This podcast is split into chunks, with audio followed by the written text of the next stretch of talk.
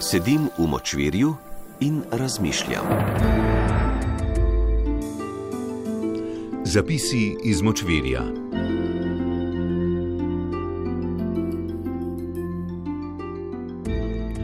Ena glavnih težav pri razumevanju slovenske politike je njeno komuniciranje. Hočemo povedati, da nismo vedno prepričani, kaj hočejo povedati.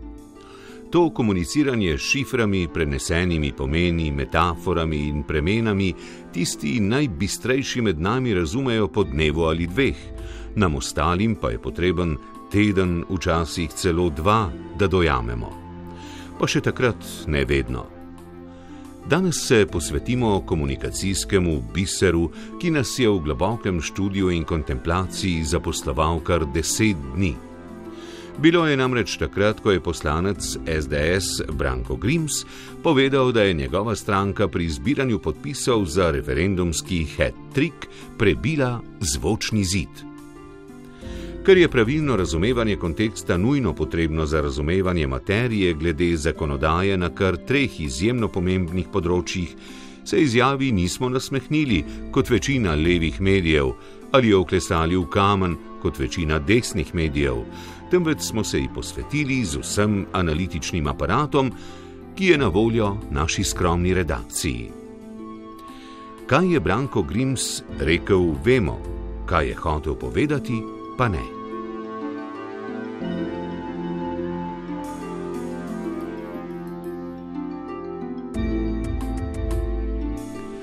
Če zbiranje podpisov za referendum opišemo s prebijanjem zvočnega zidu, brez razmisleka sklepamo, da so se do zdaj van zaletavali, tokrat pa jim ga je končno uspelo prebiti.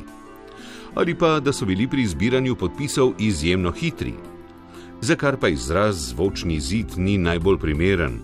Mogoče je Branko hotel uporabiti neko drugo naravoslovno konstanto, ki se v medijih nemarno uporablja za družboslovne postopke. Povsem drugače bi se namreč slišalo, stranka SDS je tokratno zbiranje podpisov opravila s svetlobno hitrostjo. Vsaj po našem skromnem mnenju je ta poved mnogo bolj elegantna, privlačna in občutljivim ušesom voljivcev bližja.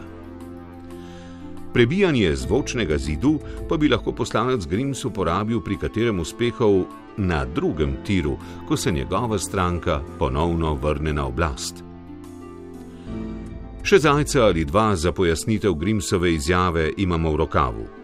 Mogoče je ciljal na to, da smo podpise najprej videli, šele pozneje pa jih bomo tudi slišali, kajti zakasnitev zvoka je ena najbolj očitnih posledic prebijanja zvočnega zidu. Ali pa da je dostavitev podpisov v parlament podobna poku, ki pride skupaj s prebitjem zvočnega zidu. Ta in še kup referenc na komunikacijsko bravuro največje opozicijske, še pred nekaj časa največje pozicijske stranke bi se našlo. Ampak ker smo analitična, ne pa obrekovalska ali bog ne da je razdiralna oddaja, zavimo v sivo cono in poskusimo razložiti izjavo, kot še ni bila razložena. Vsem je znano, da je Branko Grims vodilni polihistor stranke SDS, ki se že tako ali tako odlikuje z izjemnimi umi. Zato pogosto nastopa v javnosti. Tako je povsem mogoče, da je Branko eden redkih slovencev, ki pozna povezavo med hitrostjo zvoka, se pravi med zvočnim zidom in njegovim prebijanjem ter Slovenijo. Ta ves je nenavadna ter zgodovinsko trdna in kot domoljubna stranka so jo s to izjavo v SDS poskušali samo obuditi.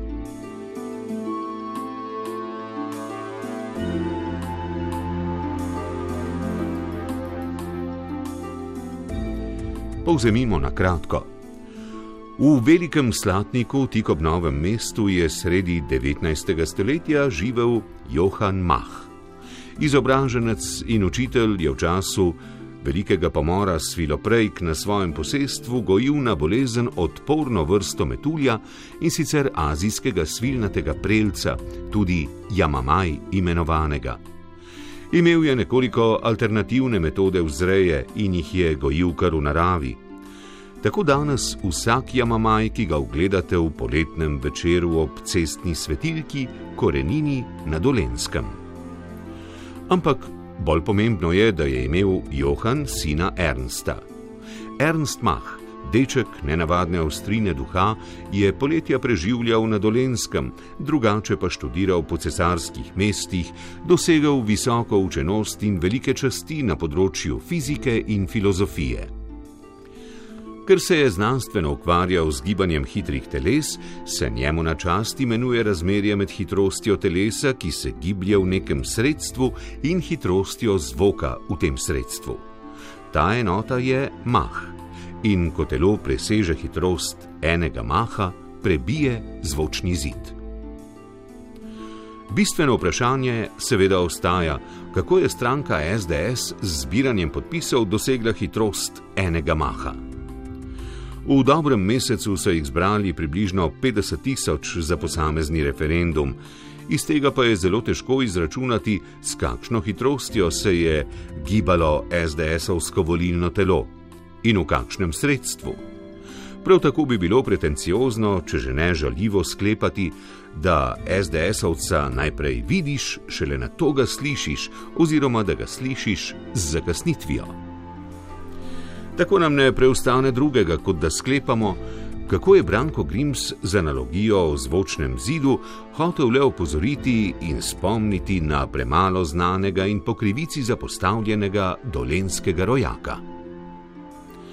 Če bo ob morebitnem uspehu referendumov, še bolj pa ob njihovem morebitnem neuspehu, Branko Grims izjavil, da je izid stranko SDS končno izstrelil v stacionarno orbito, bomo vedeli, da misli na našega rojaka, pionirja raketne tehnike Hermana Potočnika Nordunga.